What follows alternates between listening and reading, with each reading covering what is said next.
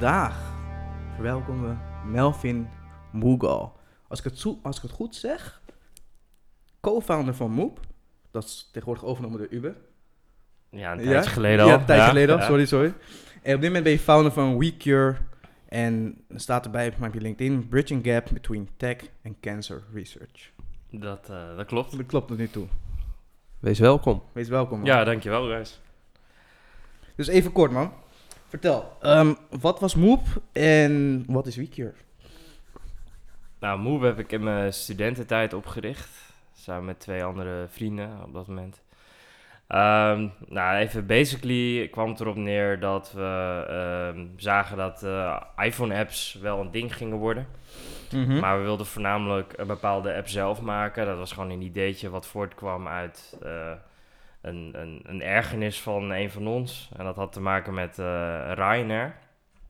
Ryanair. Ja, want we waren natuurlijk een beetje, eh, een beetje scare als studenten. dus dan ga je met Ryanair. Maar eh, nou, daarvoor moest je naar Eindhoven. Wij woonden allemaal in Amsterdam. En vervolgens, als je naar Eindhoven moest gaan, moest je dan met de bus. Mhm. En nou, meestal gingen we dan, dan ga je feesten en zo. En dan ga je met Ryanair, hè, zoals studenten dat doen. Ehm, maar je wilde wel op tijd wakker worden bij eh, het station van Eindhoven Airport. Nou, long story short. Op een gegeven moment was het idee van, oké, dan wordt er een GPS-wekker gemaakt die je dan op dat moment kan eh, wakker maken. Ja, ja. Eh, dus de wekker die, die, die baseert zich op een radius en eh, jouw GPS-positie en na- naarmate je ehm, eh, bij de bestemming komt en je passeert die radius, dan gaat die af. Nou, eigenlijk niet zo'n heel, weet je, het is, dat is geen raketwetenschap verder. Ehm, nou, toen dachten we, nou, misschien is dat leuk om een keer te maken. Ehm, dat hebben we toen gedaan. Eh, even erbij, eh, wat je erbij moet weten is dat is in de tijd van de iPhone 3G. Dus het was wel echt nog een ding als je een Mhm. iPhone-app had gemaakt. Inmiddels is het natuurlijk gewoon een commodity. Weet je, nobody gives a shit als je een iPhone-app hebt gemaakt, weet je wel. Het is hetzelfde ongeveer als een pak suiker in Ja, de precies. tech. Dus, ehm, maar toen de tijd, als je mailtje stuurde naar bijvoorbeeld een, een, ehm, eh, een Gizmodo of TechCrunch of whatever, dan was het wel echt een ding. En blijkbaar had een van ons dat gedaan toen we dat gebouwd hadden. En twee dagen later stonden we in van al dat soort eh eh, MacRumors, Gizmodo en ja goed, allemaal dat soort outlets. En toen is het eigenlijk heel hard gegaan. Dus dat is eigenlijk waar dat bedrijf uit, ons, uit ontstaan is. Dat was dus no Mobile Native Development. Ja, ja.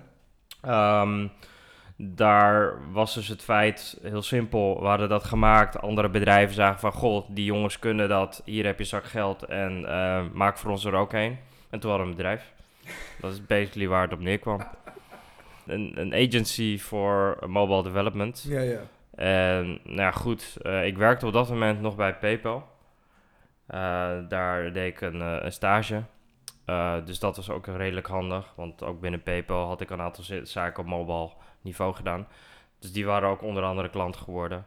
Ja goed, dan, dan tellen de namen al heel snel op. En nou ja goed, op dat moment, ehm, eh, ergens in die tijd, ehm, hebben we toen iets kleins gedaan voor Uber ook nog. Dat was helemaal in de beginfase van hun. Ja. Eh, dat was Garrett Camp volgens mij nog inactief bij hun. Eh, daar heb ik verder niks, niet zo heel veel mee gedaan. Dat is een beetje zijdelings. Eh, maar zo is dat verhaal uiteindelijk ontstaan. Vijf jaar later zijn ze toen een keer teruggekomen. En daar was ook toen iets. En long story short, het is uiteindelijk gewoon geheel overgenomen. En nou ja, goed, dat is allemaal overgegaan. En daardoor is het Amsterdamse kantoor ook geopend van Uber. Dat is met die Ah, overname gebeurd. Kijk eens. Dus uh, nou goed, het, um, het was een hele bijzondere rit. Ja, het leek... Veel van geleerd. Mhm. Ook vooral wat je niet moet doen. Uh, Oké, okay, kom, kom, kom er later op terug over wat je allemaal van geleerd hebt. Eigenlijk. Maar het is wel een mooi verhaal. Dus eigenlijk bleef gewoon rollen als ik het zo hoorde in principe. Nou, ik, heb, ik, ik, heb er niet, uh, ik ben er niet altijd heel veel tijd bij, bij geweest. Ik heb dus bijvoorbeeld bij, uh, bij PayPal nog deels gezeten. Ik heb nog wat andere dingetjes gedaan. Uh, maar ik heb een hele tijd wel, ben ik daar wel mee bezig geweest. Mm -hmm.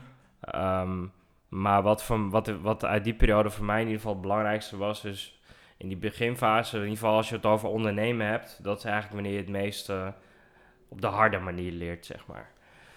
Zeker als je jong bent. Ik was toen, denk ik, toen we begonnen 23. Ja, ja. inmiddels 10 jaar ouder. Helaas. Klein detail, Een klein, klein detail. Maar ehm, je, je moet dingen heel snel leren, want je komt ze gewoon tegen, zeg maar. Dus dat maakt het wel interessant. Dus je hebt altijd van die minors, ondernemerschap en weet ik veel wat tijdens studeren. En ik zeg altijd, nou, skip dat allemaal. Doe het maar gewoon echt, dan leer je het ook veel sneller. Wat studeerde je? Uh, ik studeerde eerst werktuigbouwkunde. Ehm, en vervolgens heb ik information engineering gedaan. Dat is gewoon eigenlijk ja, programmeren. Oké. Gewoon plat gezegd, informatica met wat bedrijfskunde. Uh, die heb ik ook afgerond. Dus ik was uiteindelijk gewoon een nerd met, uh, met, uh, die een Excel kon invullen. Oké, oké. ja. Blijkbaar. Ja. Na vier jaar kan je dat blijken. Ja. Mm. Oké, en, en WeCure? Want daar ben je nog steeds wel mee bezig, neem ik aan. Ja, Wiekler is een heel ander, ander verhaal natuurlijk. Het gaat opeens over uh, kankeronderzoek. Nou, daar kan ik heel veel over vertellen. Ga ik nu Mhm. niet doen, anders wordt dit heel, een heel lang verhaal. Uh, maar dat is eigenlijk uit persoonlijke ervaringen. Het heeft een klein beetje met moep ook te maken. Mhm. Uh, kijk, wat je als ondernemer ook hebt, is gewoon heel veel... Um, um, het, uh, naast de glorious stories die je meestal hoort, zit er ook heel veel onderliggend nog. Ja, tuurlijk. Dus er zit ook best wel wat drama en, en, en heel veel ja, uh, harde momenten in. Het, raakt je ook wel privé, denk ik. Het, meeste met, perso- met, met ondernemen is eigenlijk, het raakt je ook wel gewoon echt persoonlijk. Het is niet echt als, niet te vergelijken met een baan, met, met als weet ik veel manager. Het maakt eigenlijk niet zo heel veel uit. Maar je, je wordt sneller persoonlijk geraakt, want het is meestal ook je kindje of Ja, whatever, precies, ja. snap je? Mhm. Dus dan is het, het is lastiger om daar vanaf te zetten. Um, maar ik had in die tijd best wel wat last van, uh, nou goed, uh, daarmee om te gaan. En uh, op een gegeven moment ben ik een keer gescreend voor, uh, voor een van de uh, kankers. En toen ben ik in die wereld gerold als het ware. Omdat ik toen al van alles ben gaan uitzoeken. Ik had het gelukkig niet, want er waren toevallig nou, twee symptomen die heel toevallig bij elkaar kwamen. Maar ik heb wel gezien hoe zwaar die mangel is, zeg maar. En wat voor draaimolen dat is. En daar, dat wens ik echt niemand toe. En dan heb ik het nu pas over de diagnose draaimolen. Niet als je het echt hebt. Dan moet je dat nog keer honderd doen. Um, maar ik heb toen ingezien dat daar best wel echt heel veel in moet veranderen. En ik denk eigenlijk ben ik al bijna overtuigd dat als je dat zonder nerds wil doen, dat je kanker niet gaat oplossen. Überhaupt niet. Dan kan je het eigenlijk al lang skippen. Dat, je hebt heel veel computer science nodig om daar echt grote stappen in te maken. Um, daar geloof ik wel echt heilig in inmiddels. Mhm. Um, dus dat is eigenlijk waar WeCure voor is. Dat gaat heel erg over de computational side, de computer science side van, van kankeronderzoek. En dat, dat zit heel erg in het, het datastuk. Want je hebt heel veel data nodig om eigenlijk goed onderzoek te doen Ja, ja. voor ziektes, of het nou kanker is of, of welke andere, het maakt er niet zo heel veel uit. Maar wat je vooral ziet is dat het heel erg, uh, het is onbegonnen werk bijna om een goede dataset ergens vandaan te halen, omdat het meestal van een universiteit is of van een funder of van een pharma, maakt niet zo heel erg uit. Open, open source is bijna non-existent. Oké. Okay. Dat, dat kennen ze eigenlijk helemaal niet. Want alles is wel geclaimd of heeft een patent. Uh, en het is extreem ondoorzichtig. Want als je dan een paper leest of je ziet het en je, je gaat kijken van oké, okay, waar is die dataset? Mhm. En hoe kan je die valideren? Is dat al gekke werk bijna. Oké, okay, oké. Okay. Dus eigenlijk in de computer science hebben wij heel veel dingen opgelost die ze daar eigenlijk ook al zouden kunnen toepassen. Dus dat is ook waarom ik die statement maak van je wilt eigenlijk de nerds even tussen aanhalingstekens ook in die sector hebben. Um, omdat je ook gewoon ziet dat, dat, uh, dat ze die skills dan veel beter kunnen gebruiken en veel meer impact kunnen hebben. En ik kan je echt vertellen, er zijn er meer dan genoeg dat die dit willen doen. Alleen ja, it's, it's a fucking money game. Het, het is heel Ja, simpel. Als, een, uh, als een Google of een Amazon jou, uh, weet ik veel, meer dan 100k geeft. En in die business uh, kunnen ze je amper 40 tot 60 per jaar geven. Ja, geen enkele senior engineer die dan zich zo geroepen voelt om dan in die business te zitten. Dus dat is een beetje de, de crux, zeg maar ook. Dus we proberen dat te brengen, maar wel zeg maar dat we um, echt wel in de computer science tak blijven. Um, en niet zozeer heel erg in die wereld moeten zitten, want dan ga je het gewoon niet redden. Wie bedoel je met we? Uh, dus we als in, zeg maar, engineer, software development. Dus die jongens die wel echt specifiek in uh, het, het, het, het, het bouwen van platforms, het, het engineeren van datasets uh, zitten. Maar niet zozeer in de wereld van de academici willen zitten. Want dat zijn echt twee hele verschillende werelden. Het heeft Ja. ook gewoon met de incentives te maken. Dus ook gewoon, ja, en zoals ik net zei, uh, hartstikke leuk. Maar een senior engineer gaat niet voor dat bedrag wat ze in die wereld betalen, gaan ze gewoon niet zitten. Dus daar moet je andere vormen voor vinden of andere manieren om die twee bij elkaar te brengen. Merk je dat geld een grote rol speelt? Extreem groot. Ja, tech is een money game. Dat is, dat, is, dat is gewoon onomstotelijk. Als je in deze business wil zitten zonder dat het over geld gaat, dan ga je het snel verliezen. Het is heel simpel. Mensen zijn ik, en ik heb hier lang genoeg in gezeten en zeker Ja, met ja. Heb ik dat aan de lijve ondervonden. Ehm, je kan nog zo eh, purposeful bezig zijn, maar mensen willen uiteindelijk gewoon ook een koophuis, een mooie auto. Weet je wel, het zijn die basisbehoeften. Hè? Ik hoef je Maslow niet uit te leggen, dat kent inmiddels iedereen, waarschijnlijk ook iedereen die luistert. Eh, als puntje bij paaltje komt, willen mensen nog steeds gewoon eh, een serieus goed bedrag kunnen bijschrijven. En dat kan je ze ook niet ontnemen. Als je heel lang gestudeerd hebt en je hebt daar heel veel voor ingezet, je hebt tien uur per dag gewerkt, je hebt heel veel code skills en whatever. Mhm. En je- ja, als een bedrijf dan komt en die, die geeft je een hele zak geld, ja, daar zijn heel veel mensen heel gevoelig voor. Dat, dat is ook niet zo heel gek. Ja, en als zo'n academische komt met, met funding van de overheid en die zeggen, ja, kan je misschien 48k betalen per jaar. Ja, oké, daar komen de meesten hun bed niet voor uit. Ja. Dus ja, het, het, is maar, het is maar tot op zekere hoogte dat je ehm, impactvol kan zijn en purposeful wil zijn. Maar het bottom line blijft als jij gewoon een, een, een, een, een, een leuk huis, een goed huis wil kopen. En ja, dat is veel meer, op- klinkt oppervlakkiger, maar het is wel degelijk een doorslaggevende rol uiteindelijk, dat soort zaken. Gewoon het, het, het- wat, wat men met geld uiteindelijk wil doen. Zelfs als je al een mooi, relatief mooi huis kan kopen. Ehm, nou, de, de, degene die ik, die ik ken, zou ik zeggen, eh, ehm, zelfs dan ja. Het heeft ook gewoon met een habit te maken. Want je, gaat, je gaat er ook naar leven natuurlijk, hè. Het is niet zo dat jij dan, eh, als jij veel verdient, daar niet naar gaat leven. De meeste mensen passen hun levensstijl wel aan op hun eh, inkomen, zeg maar. Hoe was dat voor jou dan? Toen je op een gegeven moment eh, goed geld ging verdienen?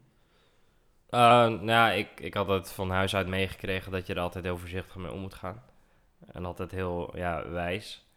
Ehm, nou, wijs is een groot woord, maar je moet wel, je moet je uitspattingen wel, zeg maar, als je dan die hebt, moet je dan wel, zeg maar, nog een beetje te compenseren met een strakke levensstijl.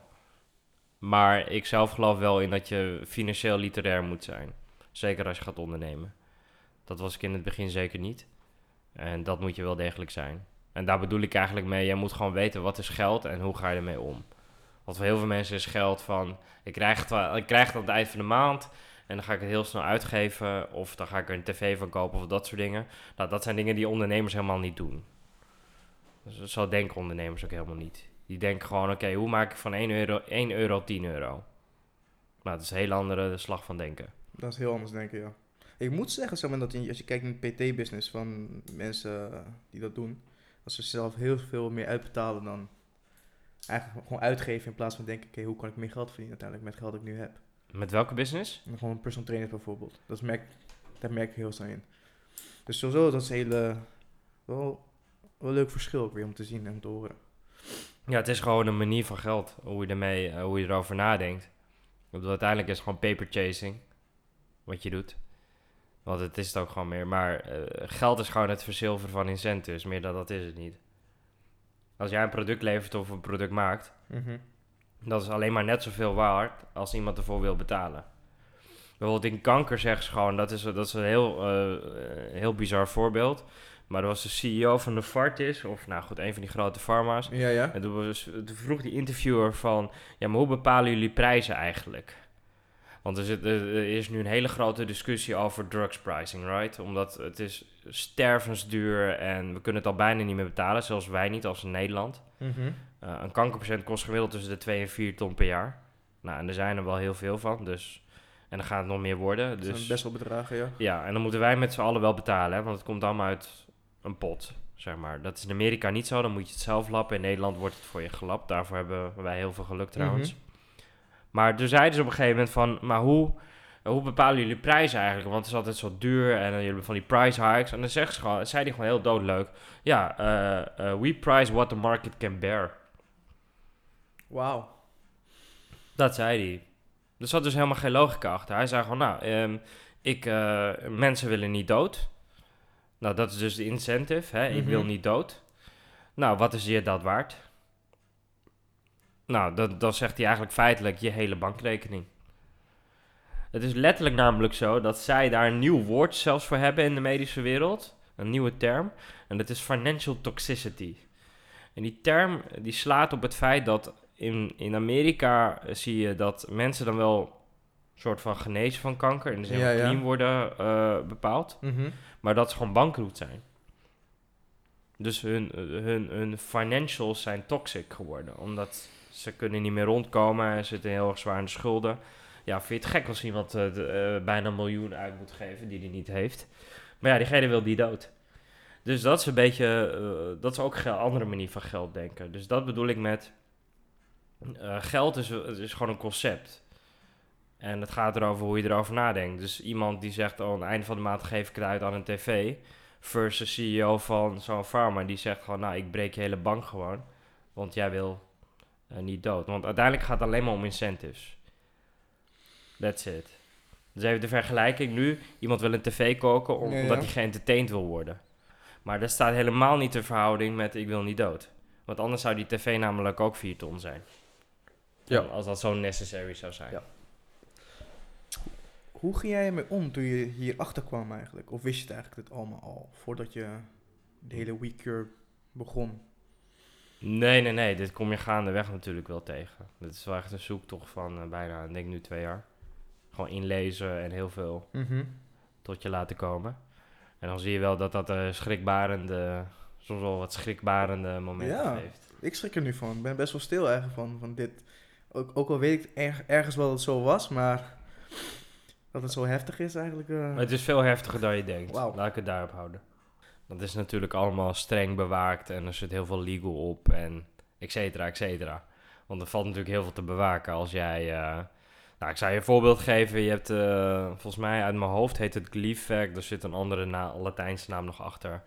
Maar het is, er zit hele, er zit best wel een interessant verhaal achter dat medicijn. Het is tegen leukemie trouwens. Dus ik denk by far een van de meest succesvolle medicijnen in kankeronderzoek. Of in kanker, zeg maar. mhm. Maar het is ooit uitgevonden door twee ri- rivaliserende, ehm, nou niet per se rivaliserende ehm eh, pharma's.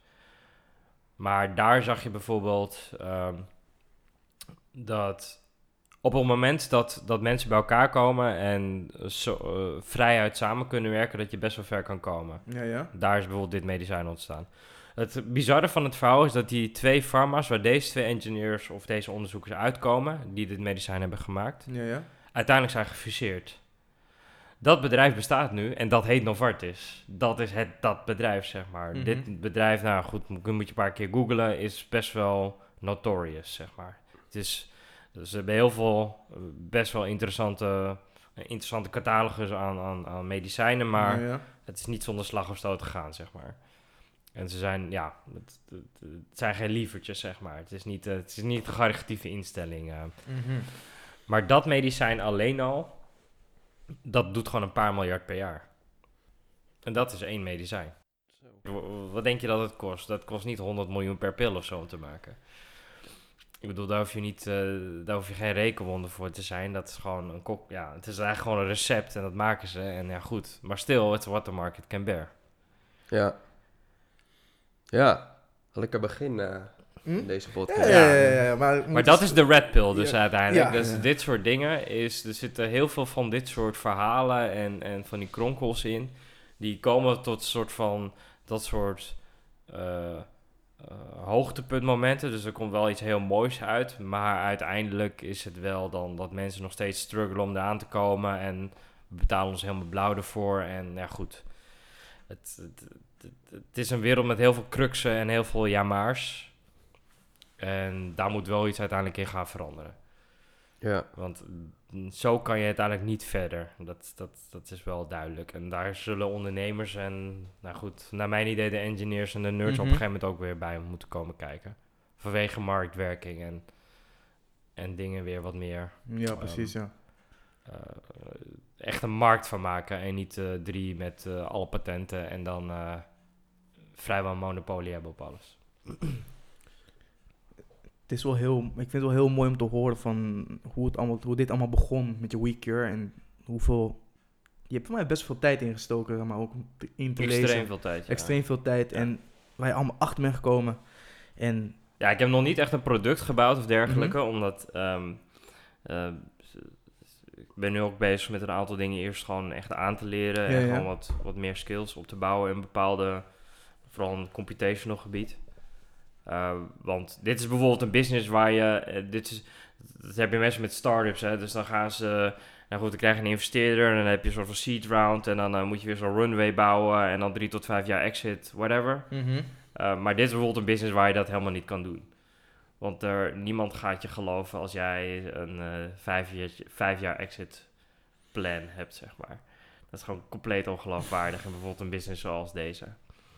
Ehm, maar dit, dit vergt ook wel dus bijvoorbeeld dat inlezen. Want niemand, ja, het- dat is misschien meer persoonlijk, maar ik, ik stel je niet geloofwaardig als je niet redelijk je huiswerk hebt gedaan, zeg maar. ja, dat is, ik vind het ook heel, heel knap, heel mooi dat je hebt gedaan. Heel sterk van je ook. Ja, maar het is ook natuurlijk uit noodzaak in de zin van, het is, ik, zou me, ik zou omgekeerd het niet geloofwaardig vinden als je komt en ja, weet je wel, dan heb je, heb je een of andere nerd die denkt dat hij het allemaal weet, ja, weet je, weet je wel, get in line, zeg maar. Dat, Mhm. dat kunnen tw- 200 anderen ook wel. True. True. En, en je moet er ook wel echt geïnteresseerd in zijn. Dus je moet ook niet het motief hebben van ik heb mijn huiswerk gedaan om het huiswerk te doen. Maar je moet ook gewoon echt geïnteresseerd zijn in de content. Gewoon wat, wat gebeurt er nou eigenlijk allemaal? En wat voor rol kan je daarin eh, in spelen? Mhm, mhm. Had je die motivatie al voordat je de eh, mogelijke diagnose had? Nee. Nee, dat is de trigger geweest. Nee, ik wist helemaal niks van, dat, eh, van, van die wereld, van die, van die ziekte ook niet. Ja, natuurlijk. eh, in mijn familie is het wel voorgekomen en dergelijke. Dus in gewoon hoe de meeste mensen het, het, het ervaren. Hè? Dus een familielid krijgt, het overlijdt eraan. Nou goed, eh, vier op de... Hoeveel was het? Bijna vier op de tien krijgen het. Dus het, ja, iedereen die ik spreek en die ik het vraag, heeft wel iemand. Ja. Ik bedoel, iedereen heeft het wel meegemaakt. Of kent iemand, of Dat is waar. weet je, Dat dat, is echt zo. dus dat is wel tot op die hoogte wel. Maar niet zeg maar dan die slag die nodig is en de trigger die nodig is. Om er uiteindelijk wel iets actiefs eh, mee te doen. Ja. Ja, knap. Dat, je- dat je hier allemaal mee bezig bent. Je zou er bijna cynisch van worden als je het zulke verhalen vertelt. Mm, nou, cynisch zou natuurlijk wel, ja, dan, dan ben je op, op een gegeven moment, ja, cynisch is natuurlijk, ja, je kan er heel cynisch van worden op een gegeven moment, denk ik. Als je, als je helemaal gaat inlezen, dan word je op een gegeven moment wel redelijk, af en toe denk je echt zo van, hmm, wat gebeurt hier in godsnaam? Want eh, logica, sommige dingen, daar kan je logica, passeren wel logica, zeg maar. Ja, ja. Dus eh, voor logische mensen als eh techjongens wordt het af en toe een beetje wat... raak je af en toe een beetje benauwd. Ik zie een klein lachje. Oh. hmm, dit gaat een beetje mijn logica voorbij. Ehm, maar ja, het bottom line uiteindelijk, weet je, het, het, het- het- je moet het niet doen om, om heel, eh, eh, dat zeg ik altijd, heel nobel gevonden te worden of zo. Want ja, dat, dat is allemaal niet zo boeiend. Ehm, het, wat, wat ik in ieder geval het meest interessant vind en hoe je het beste tegenaan kan kijken is... Ja, weet je, uiteindelijk is het gewoon nog steeds een business voor de meesten. En zeker voor eh, zeg maar de hele medische wereld. Het, het blijft gewoon business uiteindelijk. Het geld en dat soort dingen zijn nog steeds een van de belangrijkste factoren waar je gewoon ziet dat er dingen ook echt gebeuren, zeg maar. En niet het nobel zijn. Mooi gezegd, man. Laten we een pauze houden. Daar zijn we weer. Let's Hey. go. Hoe kijk jij tegen passie aan? Melvin. ja, ik heb er net eh, even offline over gehad, ja. Ja, passie is altijd zo'n heel misbruikt, eh, misbruikte term. Het is altijd zo van, ja, ik heb... eh, of iedereen zegt altijd, ja, je moet doen wat je leuk vindt. Hè? Dat is op zich wel een redelijke basis. Dat je wel iets Mhm. doet wat je leuk vindt. Anders kan je het niet heel lang volhouden. Ehm, ja, passie, het is gewoon... eh, je moet iets doen wat je echt leuk vindt en wat je heel belangrijk vindt. En waar je jezelf vooral heel blij mee maakt. Want anders houdt het gewoon niet vol. En uiteindelijk is de kern dat je het gewoon heel lang kan volhouden. En nou goed, dat is, als dat passie is, dan is dat passie. Als, dus dat zou mijn beste omschrijving dan zijn. Mensen die dus heel erg bevlogen ergens over kunnen vertellen. En daardoor geïnspireerd kan raken of in ieder geval mee kan gaan met het verhaal. Dat vind ik dan, dat vind ik eigenlijk de meest expliciete vorm van passie. Dat men iets kan overbrengen, een bepaalde overtuiging. Ook al ben je dan niet per se daar helemaal mee eens, maar dat iemand wel een soort van wereldbeeld heeft die wellicht dusdanig kan bijdragen, waardoor iemand anders daar beter van kan worden. Als dat passie is, dan beschrijf ik dat als passie. Dat, dat is voor mij dan de definitie. Oké, mooi gezegd, mooi gezegd. En wat is nu voor jou jouw passie eigenlijk? Als je het zo, je eigen definitie, ervoor gebruikt. Ehm, nou, voornamelijk eh, dus... eh, wat mijn grootste passie is op dit moment is eigenlijk dat... Dus tech... Binnen, binnen de techwereld meer stuwen naar het stukje purpose. Ah, En nou goed, dat het project wat we net hebben besproken, Ja, dat, dat haakt daar heel erg op aan. Maar wat ik vooral heb gezien, nu ik daar zo heel lang in zit, is Mhm. dat op een gegeven moment eh, heel veel jongens en meisjes erin zitten die eigenlijk extreem veel kunnen. Echt universitaire studies, eh, bijna elke grote tech eh, bedrijf wel onder de riem hebben zitten. Hè, Google, Ja, ja. weet ik veel wat allemaal. Maar dat verder niet meer kunnen toepassen op iets waar ze echt heel veel zou, om zouden kunnen geven. Dus ja, hartstikke leuk dat je aan een app of, of aan een, weet je wel, weer zo'n volgende tech startup werkt. Ja, ja. Maar wat ik vaak wel bemerk is dat ze toch wel vaker zoeken naar wat meer ja, purpose. Op een gegeven moment heb je namelijk wel het geld en de status en de vrienden. En ja, op een gegeven moment heb je ook alle speciaal biertjes geprobeerd in de kroeg. Dus op een gegeven moment houdt het wel een keer op, zeg maar, aan gratification. En het hoogst haalbaar uiteindelijk is gewoon dat je impact kan hebben op andermans leven op een manier dat je nog niet hebt kunnen doen. En ja, als dat gaat over... Mooi gezegd. Het, het, weet je, er is gewoon een verschil tussen een, een, een, een, een app waarmee je iemand sushi kan brengen en iemands leven mee kan beïnvloeden omdat hij ziek is. Dus er is een hele grote, heel groot gat tussen. Alleen de meesten zitten nog steeds op dat eerste en niet op het tweede. Nou, dat, dat vind ik dan weer belangrijk om daar wat meer in beweging, eh, we- wat meer beweging in te gaan brengen. Hoe- Gaaf, man. Hoe was dat punt voor jou? Dat je op een gegeven moment alle gratification kon krijgen? Eh, dat is geen goed gevoel. Leg eens uit. Dat is eh, omdat het dan niet meer gratification is. Het is voor jou dan gewoon een soort van commodity geworden. Het voelt niet meer zo, eh, zo prettig aan. Het is voor jou normaal geworden. Dus wat voor de een die, waarvoor het nog niet haalbaar is, gratification zou ik zijn. Hè? eh, altijd op vakantie kunnen. Maakt even niet zo heel veel uit. Maar dat is meer dan een gedachtegoed, zeg maar. Hè? Dus jij denkt van, oh, als ik daar ben, dan ben ik gelukkig of dan ben ik blij. Nou, ik kan je vertellen, meestal als je er bent, dan ben je het eigenlijk al niet meer. Want dan is het eigenlijk al weg. Dan, want dan kan je erbij. En je was eigenlijk verliefd op het idee, maar niet op de werkelijkheid ervan. Oké. Nou, dat zie je heel veel. Bijvoorbeeld een goed voorbeeld is die, eh, wat je dan ziet is, de meesten zijn gewoon heel erg bezig met het naartoe werken naar een doel. En de weg naar naartoe vinden ze altijd heel erg leuk. Maar als ze er eenmaal zijn, en dat heb ik heel veel gezien, is als ze dan een exit maken en dan hebben ze het verkocht. En dan zie je de meesten echt gewoon hetzelfde doen. En dat is namelijk, en then what? Oftewel, nu wat? Wat ga ik nu doen? En dan raken de meesten echt helemaal in paniek. Gewoon van, oké, ik heb eigenlijk geen purpose meer. Ik, ik hoef eigenlijk niks meer te doen. Ik heb genoeg geld. Ik kan net zoveel op vakantie gaan als ik wil. Mhm. Maar ik, ik, ja, ik heb niemand om het mee te delen. En ja, iedereen is druk met allemaal andere dingen en ik leef in een soort van bubbel. Ja, dat, dat werkt gewoon niet, zeg maar.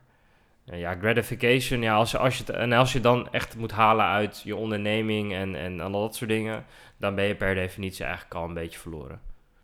Want dat, dat werkt gewoon niet zo. En dat is wel, het, het, je kan niet, het- dat is altijd wat ik altijd heel grappig vind. En dat wordt je ook nooit verteld. Dat is meestal jongens die ik dan ken, die vaak nog op TechCrunch of zo hebben lopen staan. Nou, die vertel je in de bar echt een heel ander verhaal hoor, kan ik je vertellen. Bijvoorbeeld, je- het meeste wat je dan altijd hoort, ook van beginnende jongens, is van ja, als ik op TechCrunch kom of nu.nl of Ja, NOS, en als ze een linkje erop zetten, nou, dan krijg ik me toch een partijtje traffic. In werkelijkheid is dat helemaal niet zo. Dat, dat kan je vertellen, een linkje op Reddit doet drie keer zoveel als volgens mij al die sites bij elkaar. Dat weet ik ook uit werkelijkheid. Oké, Ja, dat is leuk om te weten. ja, dat is dus een tip. Tip voor ons, mooi. Nee, maar dat bedoel ik dus met gratification bijvoorbeeld. Je denkt dus iets en dan zie je in werkelijkheid dat het eigenlijk heel anders is. Ja. Dat dat niet zo is als jij dacht. Want het is eigenlijk jouw perceptie, hè? die heb je zelf opgebouwd. Die heb je nog niet geresoneerd tot de werkelijkheid. Dat had je ook nooit gekund, want je was er natuurlijk toch niet. Dus hoe kon je dat resoneren? Dus dat weet je helemaal niet. Dus daarom is uiteindelijk alleen in jouw bubbeltje, heb je dat in je hoofd, heb je dat jezelf aangepraat. Maar dan kom je erbij en dan kan ik je vertellen, 9 van de 10 keer lijkt het er echt niet op, zeg maar. Niet eens op, misschien niet eens in de verste verte. Dus, dus, dus de, de bottom line van het verhaal is echt, echt heel simpel. Be careful what you wish for. Ja. Hoe zit dat nu bij jou in jouw situatie dan? Hoe, je hebt al hoe je naar, hoe je naar kijkt, van, naar wat je net vertelde. En bij jou nu? Is dat, heb je dat gevoel heel sterk nog steeds? Of is het dan minder? Of, Hoe bedoel je? of heb je juist je geluk gevonden, zeg maar zo gezegd? Ehm, nou, het idee dat. eh, nou, wat ik, wat ik heel mooi vind, is Mhm. gewoon dat je eh, met. eh, wat, wa- wat je in deze tijden tegenwoordig kan doen met een, met een computer, even heel plat gezegd. Dat vind ik heel magisch. Dat je, dat je zoveel kan met gewoon, ja, dat, dat ding wat in principe naast ons drieën nu staat Ja, is, is bizar. Dus dat je daar heel veel mee kan doen en zoveel impact op mensen hun levens kan maken, dat vind ik eigenlijk het meest interessant van alles. En ook gewoon, dat is mijn gratification. Dat als je, dat, dat je eigenlijk iedereen op deze planeet een computer kan geven en zoveel kan leren dat hij zoveel impact kan hebben op een ander, dat vind ik eh, iets heel magisch. Dat iedereen dat kan. En als je dat iemand anders kan leren en iemand dat bij kan brengen, die dan vervolgens iets kan doen wat groter is dan, zich, dan hemzelf of ja, ja. haarzelf. Ja, dat met zo weinig middelen eigenlijk, hè, bij wijze van spreken. Want in principe zou iedereen een computer moeten kunnen hebben. En bijvoorbeeld moeten kunnen leren coden en al dat soort dingen. Hè. Dat kan tegenwoordig allemaal gratis. Klopt, klopt. Nou, dat is, dat is toch vet? Dat is toch wel bizar? Je Ja. kan eigenlijk je eigen leven en je eigen lot bouwen op basis van een ding wat je eigenlijk per definitie al zou kunnen krijgen in de meeste gevallen dan. En je hebt geen schoolsysteem meer Mhm. nodig of een schooljuf die jou vertelt van ja, word schoonmaker en eh, dat word je, ga je voor de rest van je leven doen. Je kan het in principe helemaal in eigen hand gaan houden nu. Nou, dat, dat vind ik dan wel. eh, dat vind ik een gratifying idee. Dat, dat, je dat, dat je dat een ander kan bijbrengen. En hoe kijk je dan tegen de, de digital nomads aan? Zeg ik het goed? Ja. Oh ja, de solopreneurs. of- of- Solopreneurs. Oh, die Zo, zo worden die dan genoemd? Ik weet niet, soms hoorden wel. daar zijn allemaal synoniemen voor waarschijnlijk. Ja, dat, dat is bijvoorbeeld, dat vind ik ook wel vet. Dus dat je, ehm, ja, in je eentje, dat is, dat is misschien een vorm daarvan. Dus dat je in je eentje je eigen lot kan bepalen. Al vind ik wel dat, dan zie je ze altijd weer op YouTube, hè. Ik sta in mijn huis in Australië en ik kan reizen wat ik wil. En ik kan, eh, ik kan van alles, alles wat ik wil, hè. Maar dat, dat is echt wat je alleen maar ziet eigenlijk. Ja, Van dat die- is- dat van die grappige Instagram eraan. filmpjes, Juist eh, precies. pizza eten, feesten en... eh, Precies. En dat, dat is eigenlijk waar we het net over hadden. Hè? Dus eh, zeg maar alle gratification in de wereld. Maar dat, dit, weet je, het zijn uiteindelijk gewoon, dan uiteindelijk gewoon contentmakers. Weet je wel, dat, en dat is dus wat ik bedoel. Is van je bouwt een perceptie op basis van iets wat jij ziet. Maar er zit natuurlijk nog heel veel achter. Want iedereen, niet iedereen is de hele tijd happy de peppy natuurlijk. En niet, je zit niet de hele tijd elke keer aan de vodka in, op Ibiza. Daar word je echt niet gelukkig van of zo. Ik bedoel, als je dat, als je dat nog niet weet, zeg maar, dan wordt het wel heel lastig, zeg maar. Dan, dan hoef je niet meer heel veel bijgebracht te worden. Dan komt die klap vanzelf wel. Ehm, nee, maar op zich, dat bedoel ik. Dat als Ja. je je lot in eigen hand kan houden en goed je eigen leven kan opbouwen op die manier, ja, dat is wel heel vet. Maar dat je het zo gaat exploiten, dat je andermans ja, een of andere feestende, eh dat feestende nomad leven moet gaan verkopen, dat is dan weer een tweede. Maar ik laat het, weet je wel, dat moet iedereen zelf van wat, vinden van wat hij wil. Dat laat ik verder in het midden. Mhm. Klopt, klopt, klopt. Zeker, klopt zeker. Hoe ziet jouw eh, work-life balance eruit? Eh, Ja, dat ben ik wel benieuwd naar, want je doet volgens mij best wel veel. Ja, ik zit dus, eh, ja, momenteel zit ik gewoon bij een opdrachtgever. Mhm. Dan zit ik vooral met, met nou, infrastructure en al dat soort dingen. Eh, ben ik daarmee bezig. Dus dat is best wel vet, vind ik zelf. Dat is gewoon echt hardcore engineering als het ware. Mhm. Dat, dat, dat, weet je wel, dat... Ik zie je eh, stralen. Ja, dat- ja. Ja, als het raad over machines gaat en al dat soort dingen, dan word ik als, eh, als engineer wel blij van. Ehm, even kijken wat. Ja, dus meestal is het eh, is vrij strikt. Dus ik sta vrij vroeg op. Meestal niet, niet altijd, maar 6, 7 uur. iedere dag? Ja, vrijwel iedere dag. Het weekend misschien iets minder, maar standaard door de week wel. Ja. Eh, en dan even kijken. Nou, meestal dan eh, even snel wat eten, mediteren, snel wat lezen. Guided meditation? Of? Ja, guided meditation. Ja, ik gebruik gewoon dingen als Headspace en wat de meesten eigenlijk denk ik wel doen. Maar ik gebruik gewoon guided meditation. Ik ben niet zo, eh, nog niet zo eh, ervaren, ervaren genoeg erin, denk ik. Maar ik vind het wel prettig. Ehm, nou, meestal begin ik dag al... Dus heb ik meestal wel één of twee dingen al gedaan dus, voordat ik echt de dag begin. Ehm, meestal de belangrijkste dingen doe ik in de ochtend. Dat sowieso. Dus ik schrijf wel eerst op wat, ik, wat het belangrijkste is. Dat doe ik in de ochtend. En de middag kan ik dan besteden aan wat meer zaken die wat less important zijn, maar wel gedaan moeten worden. Ehm, en drie keer per week eh, sporten. Ja, ja, nog over gehad in de Dus daar heb ik met Steven heel veel over gehad. Dus hij guide mij dan weer een beetje af en toe. Deze dus ik man stel bij hem altijd vragen. Deze man Ja. werkt 40 uur ongeveer, of meer? Nee, meer. Meer werkt meer? 40. 40 lukt mij niet. 40, meer of minder? Wacht, sorry. Nee, ik denk ongeveer... Nu denk ik rond de 60. 60 uur en nog steeds 9 uur s'avonds zit hij in de gym gewoon. Oké. En, en nog even dumbbells bossen en noem maar op. Privéactiviteiten. eh, lukt dat wel als je 60 uur in de week werkt? Je moet goed plannen. Hoor je dat? Goed Plannen is belangrijk. Als je geen planner bent, dan eh, wordt het heel lastig. Maar je moet echt tijd voor dingen vrijmaken. Zeker voor privé. Voor, voor, zakelijke, eh, maar, voor zakelijke dingen is het natuurlijk heel makkelijk om daar je tijd aan te verbranden. Het is in, met zo'n werkstijl en levensstijl is het juist meestal het moeilijkste om voor je privé genoeg tijd te maken. Want dan krijg je het, eigenlijk- krijg je het eigenlijk toch wel te horen hoor. Dus daar hoef je meestal niet zo heel Ja. moeilijk over te doen. Meestal beginnen, begint iemand dan wel te roepen van... Hé, hey, eh, even, even tranquilo. eh. of eh, ik, we zijn er ook nog.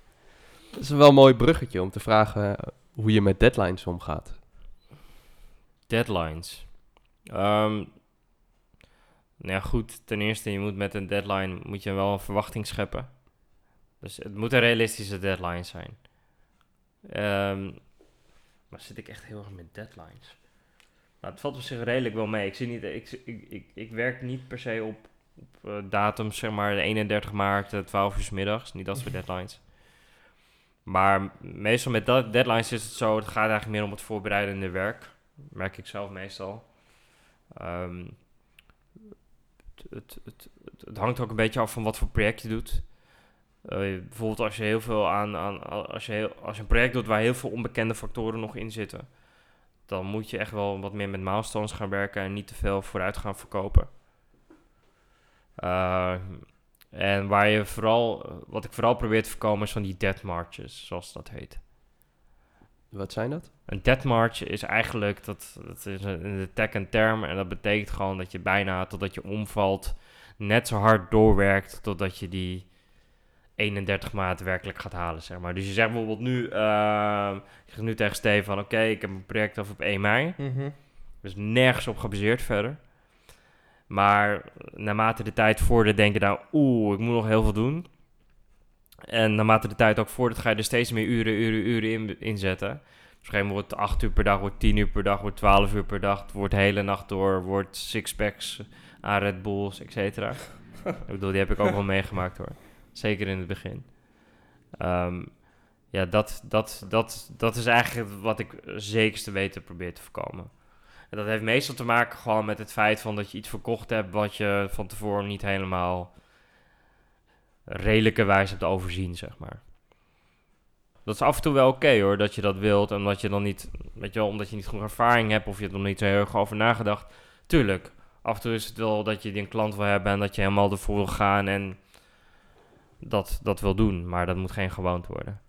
Maar meestal plan ik het in, in brokken en bepaalde milestones. En dan kan ik bijvoorbeeld aangeven, dit schuift wat meer en dit is allemaal redelijk te overzien.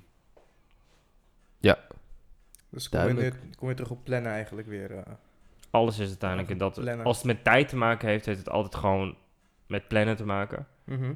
Maar plannen is eigenlijk heel simpel. Een deel kan je overzien en een deel niet. En dat deel wat je niet te overzien, dat vormt een risico. Dingen die je gewoon nog niet weet. Of midden in een project of, of whatever in een delivery eh, opkomen. Ja, dat is gewoon verwachting scheppen bij degene aan wie je het levert. Ja, precies. Ja. Ik kan begrijpen dat nog sommige mensen het misschien stress kan leveren. Zeg maar dingen die je niet kan overzien, dingen die kunnen gebeuren. En hoe ga jij daarmee om? Nou, dat, dat, weet je, stress is uiteindelijk gewoon heel normaal. Stress kan je niet vermijden. Mhm. Dat, dat blijft onderdeel. Daar moet je sowieso mee ehm, kunnen kopen. Zeker als je in de tech zit, dan weet je, iedereen weet gewoon als je in de tech zit, je moet met druk kunnen omgaan. Het is high pressure business, je hebt veel concurrentie meestal. En je moet altijd, of je wilt altijd sneller zijn dan de ander. Nou goed, dat ken je, dat kent iedereen allemaal wel. Ehm, uiteindelijk gaat het er ook gewoon om, het, begint uiteindelijk gewoon bij de basis. Hè? Dus als je even terug, een stapje terug doet, als je iets wil leveren wat goed is en, redelijk op tijd, dan begint het uiteindelijk gewoon bij mensen. Als jij niet de betere mensen in jouw team hebt zitten of in jouw bedrijf, ja, dan kan je deadline stellen wat je wil. Maar of hij wordt niet gehaald, of hij wordt gehaald met heel veel shortcuts en alle gevolgen van dien, zeg maar. Dus daar begint eigenlijk alles mee. Gewoon, als je een project doet en je hebt de deadline, zorg er in ieder geval voor dat je juist de resources hebt tot zover je kan voorzien, Mhm, zeg maar. Maar mhm. meestal valt dat wel te voorzien. Ehm, en het gaat ook gewoon om eh, twee eh verwachting verkopen. Dus als je iets heel nieuws levert, ja, daar zitten mensen wat kinderziektes in. Dus dan moet je geen Holy Grail lopen verkopen. Dus je kan niet tegen je, je opdrachtgever zeggen, nou, ik lever jou een eh, Mercedes en alles is eh, super eh, geolied. Eh, nee, dat, dat werkt gewoon niet zo. En dat, het gaat ook met het feit, wat, wat kan iemand verwachten dat jij straks gaat leveren? Dat is eigenlijk het allerbelangrijkste. Als je dat, dat, dat moet je wel redelijk kunnen overzien. Als jij gewoon weet, er zitten zoveel onvoorziene zaken in waarschijnlijk die ik nog niet kan voorzien. En die ik wel uiteindelijk moet fixen of waar ik iets mee Ja, ja. moet. Dan kan je het gewoon beter van tevoren zeggen. En het liefst verkoop je gewoon het doel uiteindelijk. Dus ja, ik verkoop bijvoorbeeld een product. Mhm. Maar welk doel probeer je me te bereiken als jij dat product gaat gebruiken? Dat is eigenlijk veel belangrijker dat je dat weet. Dus bijvoorbeeld iemand, eh, stel je verkoopt een eh, CMS voor, eh, of weet ik veel, een ERP-systeem. Nou, dan is het doel van diegene om zijn financiën waarschijnlijk op orde te hebben. Of in ieder geval zijn boekhouding of whatever. Ja, precies. Dus dan moet je, weet je wel, dat, je moet een beetje in context van, van diegene dan het, het proberen de Mhm. verwachting te scheppen. En dat is eigenlijk veel belangrijker. En dan weet je ook trouwens waar je meer prioriteit op moet geven. eh, met betrekking tot wat je bouwt en wat je levert. Want wat je ook ziet is dat mensen dan fully fledged producten gaan bouwen. En dan heb je, zie je eigenlijk dat er maar één, twee dingen echt super belangrijk zijn. Dus waar, de, waar je klant dan echt voor betaalt. En de rest is een beetje eromheen gebreid, zeg maar. Het is voor de volledigheid, maar het is niet per se waar je klant direct voor betaalt. Nou, als je dan al dat soort dingen goed in kaart hebt, van één, de juiste mensen, twee, de juiste verwachtingen en drie, de juiste zo, ja, zover als mogelijk planning om dat te kunnen leveren, dan zit je eigenlijk denk ik wel op 80, 90 procent. Oké. En je zult altijd collateral hebben. Je zult altijd wel iets hebben wat niet goed gaat, wat ontploft of whatever. Maar wat ik gewoon uit ervaring weet is van... Je klanten worden juist heel groot fan van je als je op tijd de brand kan blussen. Dus als er iets stuk gaat en je kan het gewoon binnen een dag oplossen... en je hebt dat communicatief en zo helemaal goed gedaan... Mhm. dan zullen ze veel groter fan van je worden dan dat je altijd alles picobellen levert. En die ene keer dat het echt fout gaat en het heeft twee weken geduurd om het te fixen... ben je ze meestal drie keer zo snel kwijt. Oké. Netjes. Het zijn wijze lessen. Ja, heel veel wijze lessen, ja. Oké, la- laten we iets positiefs even... eh, ja, heel tijd positief wordt daar niet van hoor. Maar eh, heb jij... Wat was jouw geluksmomentje geweest eigenlijk in al die hele carrière of wat je allemaal bezig bent, al die tien jaar dat je ondernemer bent geweest, wat was jouw echt jouw geluksmomentje? Mm, geluksmomentje. Oh, dat zijn er wel genoeg. Kies er één. is er één. Mijn geluksmomentje was eigenlijk niet met ondernemen. Of Oh. nee, was niet in die... Nee, dat was, eh, niet ja, dat was, hoor. was mijn tijd bij PayPal. Vertel. Ja, dat was voor mij echt een geluksmomentje. Dat dat bedrijf mij heeft bijge- bijgeleerd aan, aan hoe je een organisatie in elkaar zet en hoe je een team in elkaar zet, dat is magisch. Ik snap ook wel waarom daar de meest succesvolle ondernemers vandaan komen. Het is een keer gemeten. De meest succesvolle, het, me- het meeste aantal succesvolle ondernemers in Silicon Valley hebben als achtergrond ooit een keer PayPal gehad. Maar van dus alle grote techbedrijven waar al die, iemand een keer van weg is gegaan en Ja, een onderneming echt zo succes was geworden.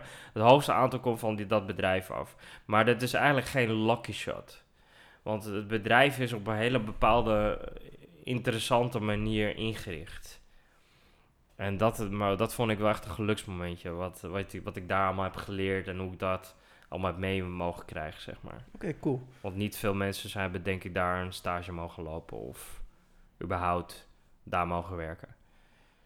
Eerlijk gezegd ben jij de enige die ik ken in Guillermo dan. Ik heb Guy daar leren kennen. ja, precies. Oh, ja. ja. dat is waar ook nog, Ja. ja. Ja, er waren een aantal die, die, hadden, die hebben daar kunnen werken.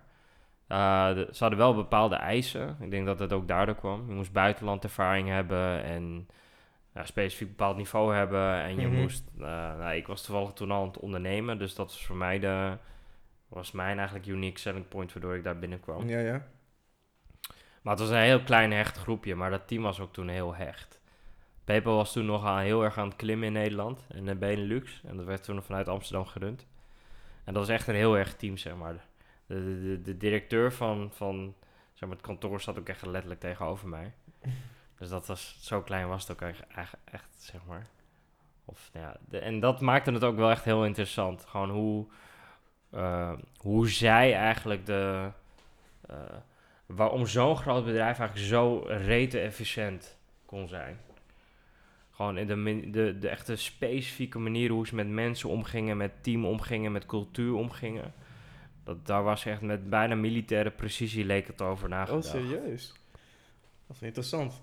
Ja. Maar het hoeft niet dus altijd ondernemen te zijn van ik heb mijn bedrijf verkocht of zo. Maar wat ik daar het mooiste dus aan vind, wat mij, voor mij het geluksmomentje was, Mhm. is ik ging daar echt elke... Dat was echt een, een van eh, de weinige bedrijven waar ik echt dus gewerkt heb. Waar ik bijna net zoals met ondernemen echt niet om 9 uur wilde zijn, maar om 8 uur wilde zijn. Als je dat hebt, dan weet je zeker dat je goed zit trouwens. Als je gewoon, als je eerder wil zijn dat, dat de deur open is, dan zit je, weet je wel, don't leave that spot. mooi gezegd, Melvin. Mooi gezegd.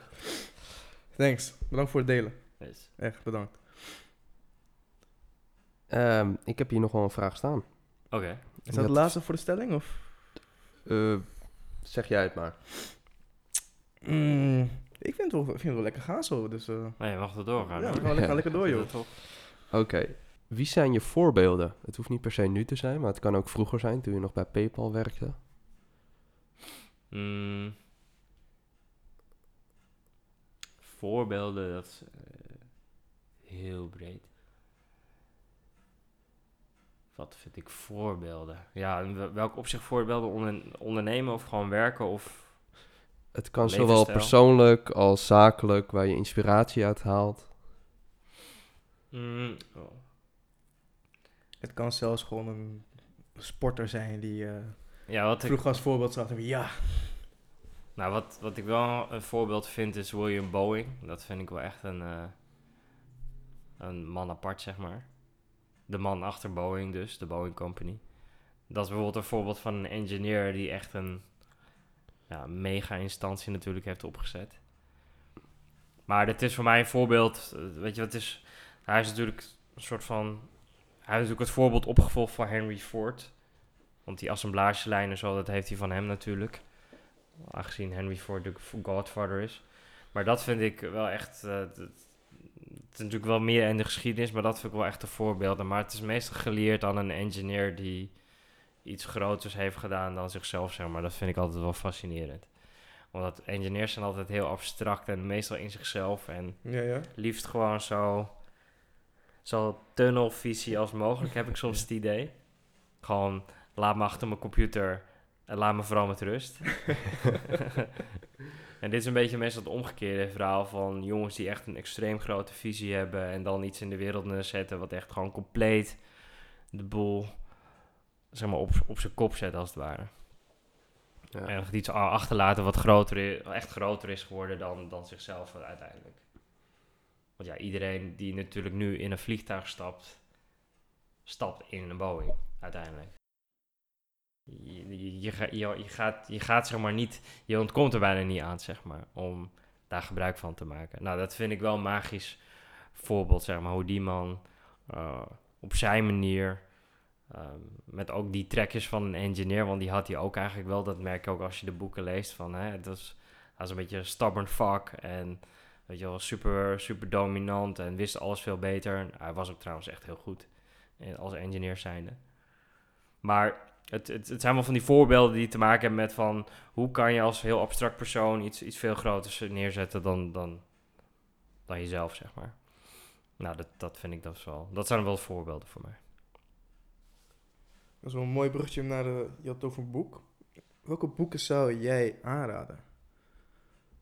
Om te lezen. Het boek wat ik, eh, wat ik nu duizend keer, echt drie keer doorheen ben gegaan, is The Emperor of All Melodies. Het gaat wel over kanker, Mhm. maar het is meer een romanvorm. Dus het gaat niet van, eh, het zijn zoveel doden en alles is heel erg. Maar het gaat over, hoe de, de, over de geschiedenis van kankeronderzoek in een romanvorm. Het is een boek waarvoor hij ook de Pulitzer Prize heeft gewonnen. Ik ben ook een groot fan van die man. Die heeft ook, hij heeft ook The Gene geschreven. Het gaat ook over eh, de weg van hoe we DNA eh, hebben beleefd en hoe dat in de medische wereld uiteindelijk verder is geëvalueerd. Ja, ja. Maar de Emperor of All Melodies is mijn favoriete eh, pil, zeg maar. Daar heb ik ook heel veel uitgehaald, zeg maar. Ah.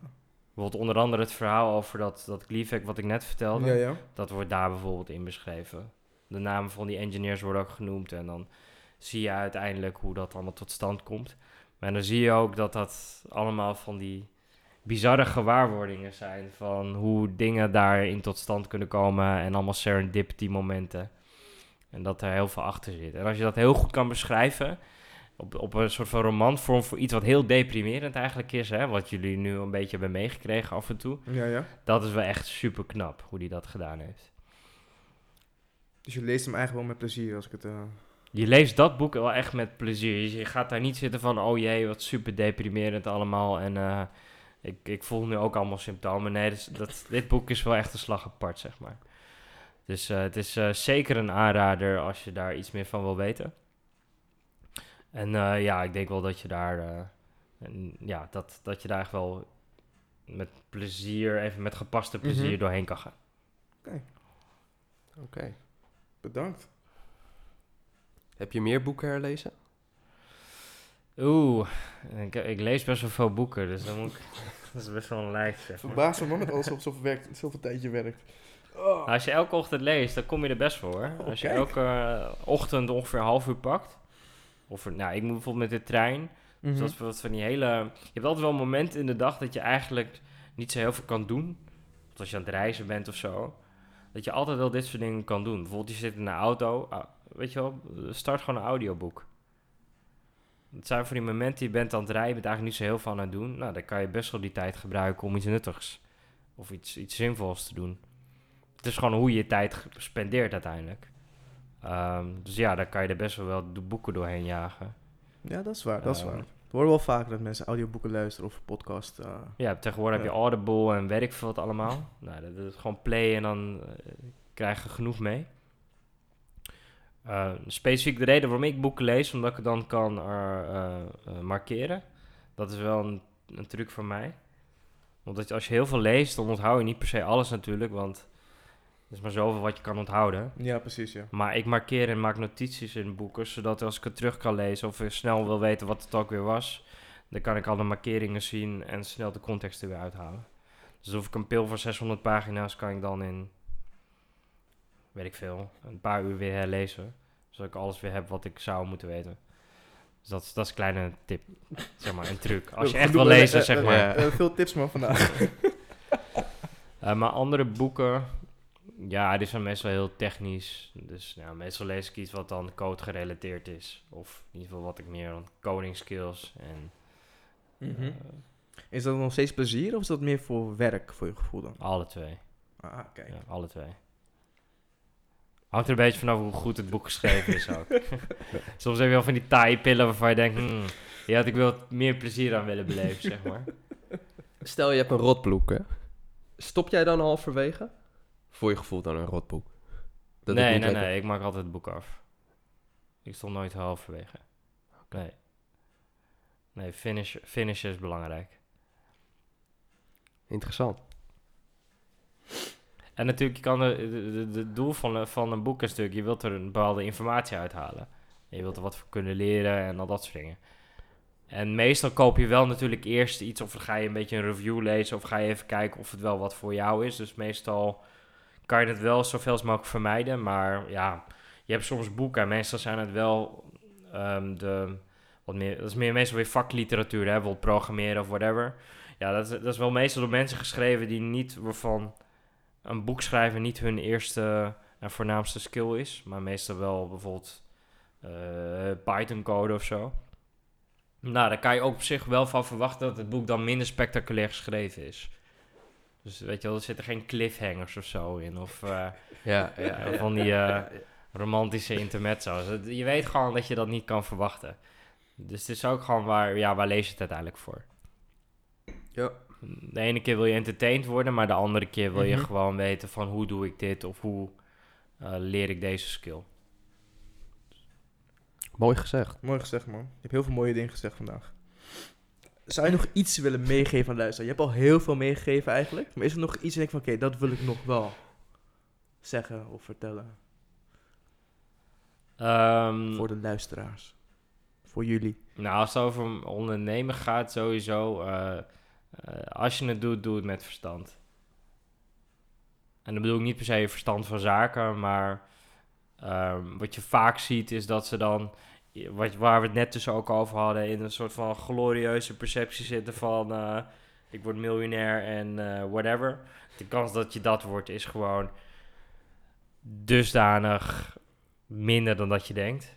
Maar dus, dus als, je het, eh, de kan, als je de kans van slagen wil vergroten, bijvoorbeeld met ondernemen of, of dan wel met privé of dergelijke, heb gewoon een plan. En voer dat ook echt uit. En op het moment dat je een bepaald spel wil spelen, begrijp ook eerst het spel. Dus als je wil ondernemen, begrijp wel het spel van ondernemen eerst. Dat, dat heb ik op de harde weg moeten leren. Dus Mhm. het is niet zo... Hè, leuk dat je naar de KVK een bedrijf hebt geregistreerd, et cetera, et cetera. Eh, het is eventually gewoon een money game. Eh, als je gewoon niet weet hoe een Excel in elkaar steekt... en, en, en, en, en hoe je een winst-verliesrekening maakt... al dat, dat soort basisdingen... Weet je, dan, dan snap je het spel nog niet helemaal. Want uiteindelijk is het heel... Dit is het deprimerende stuk van ondernemen. Uiteindelijk voor een investeerder ben je gewoon een Excel-sheet. Je bent gewoon onderdeel van zijn... eh, hoe noem je dat tegenwoordig? Een portfolio. Mhm. En het enige wat hij wil is dat je van 50k 500k maakt. Die wil gewoon een multiplier terugzien. En het interesseert verder gaan echt geen ene malle moer. Wat jij ermee doet. Je zal vast een fantastisch product zijn. Je zal vast een, eh, een fantastisch persoon zijn. Maar als je zijn geld niet terugbrengt, forget it. Dan wordt het allemaal niet meer zo aardig. Maar dat bedoel ik dus met verstand dingen doen. Dus als je op het moment dat je dit soort dingen wil doen, lees erover. eh, ga kijken of het echt wat voor je is. Maar als je het doet, doe het dan ook gewoon met volle overgave. En doe het dan ook gewoon echt. En als je het op die manier doet, dan, dan is je kans van slagen wordt gewoon gemaximaliseerd. En dat is het enige wat ik eigenlijk wil meegeven. Doe het gewoon met verstand. Doe het gewoon met Ja. verstand.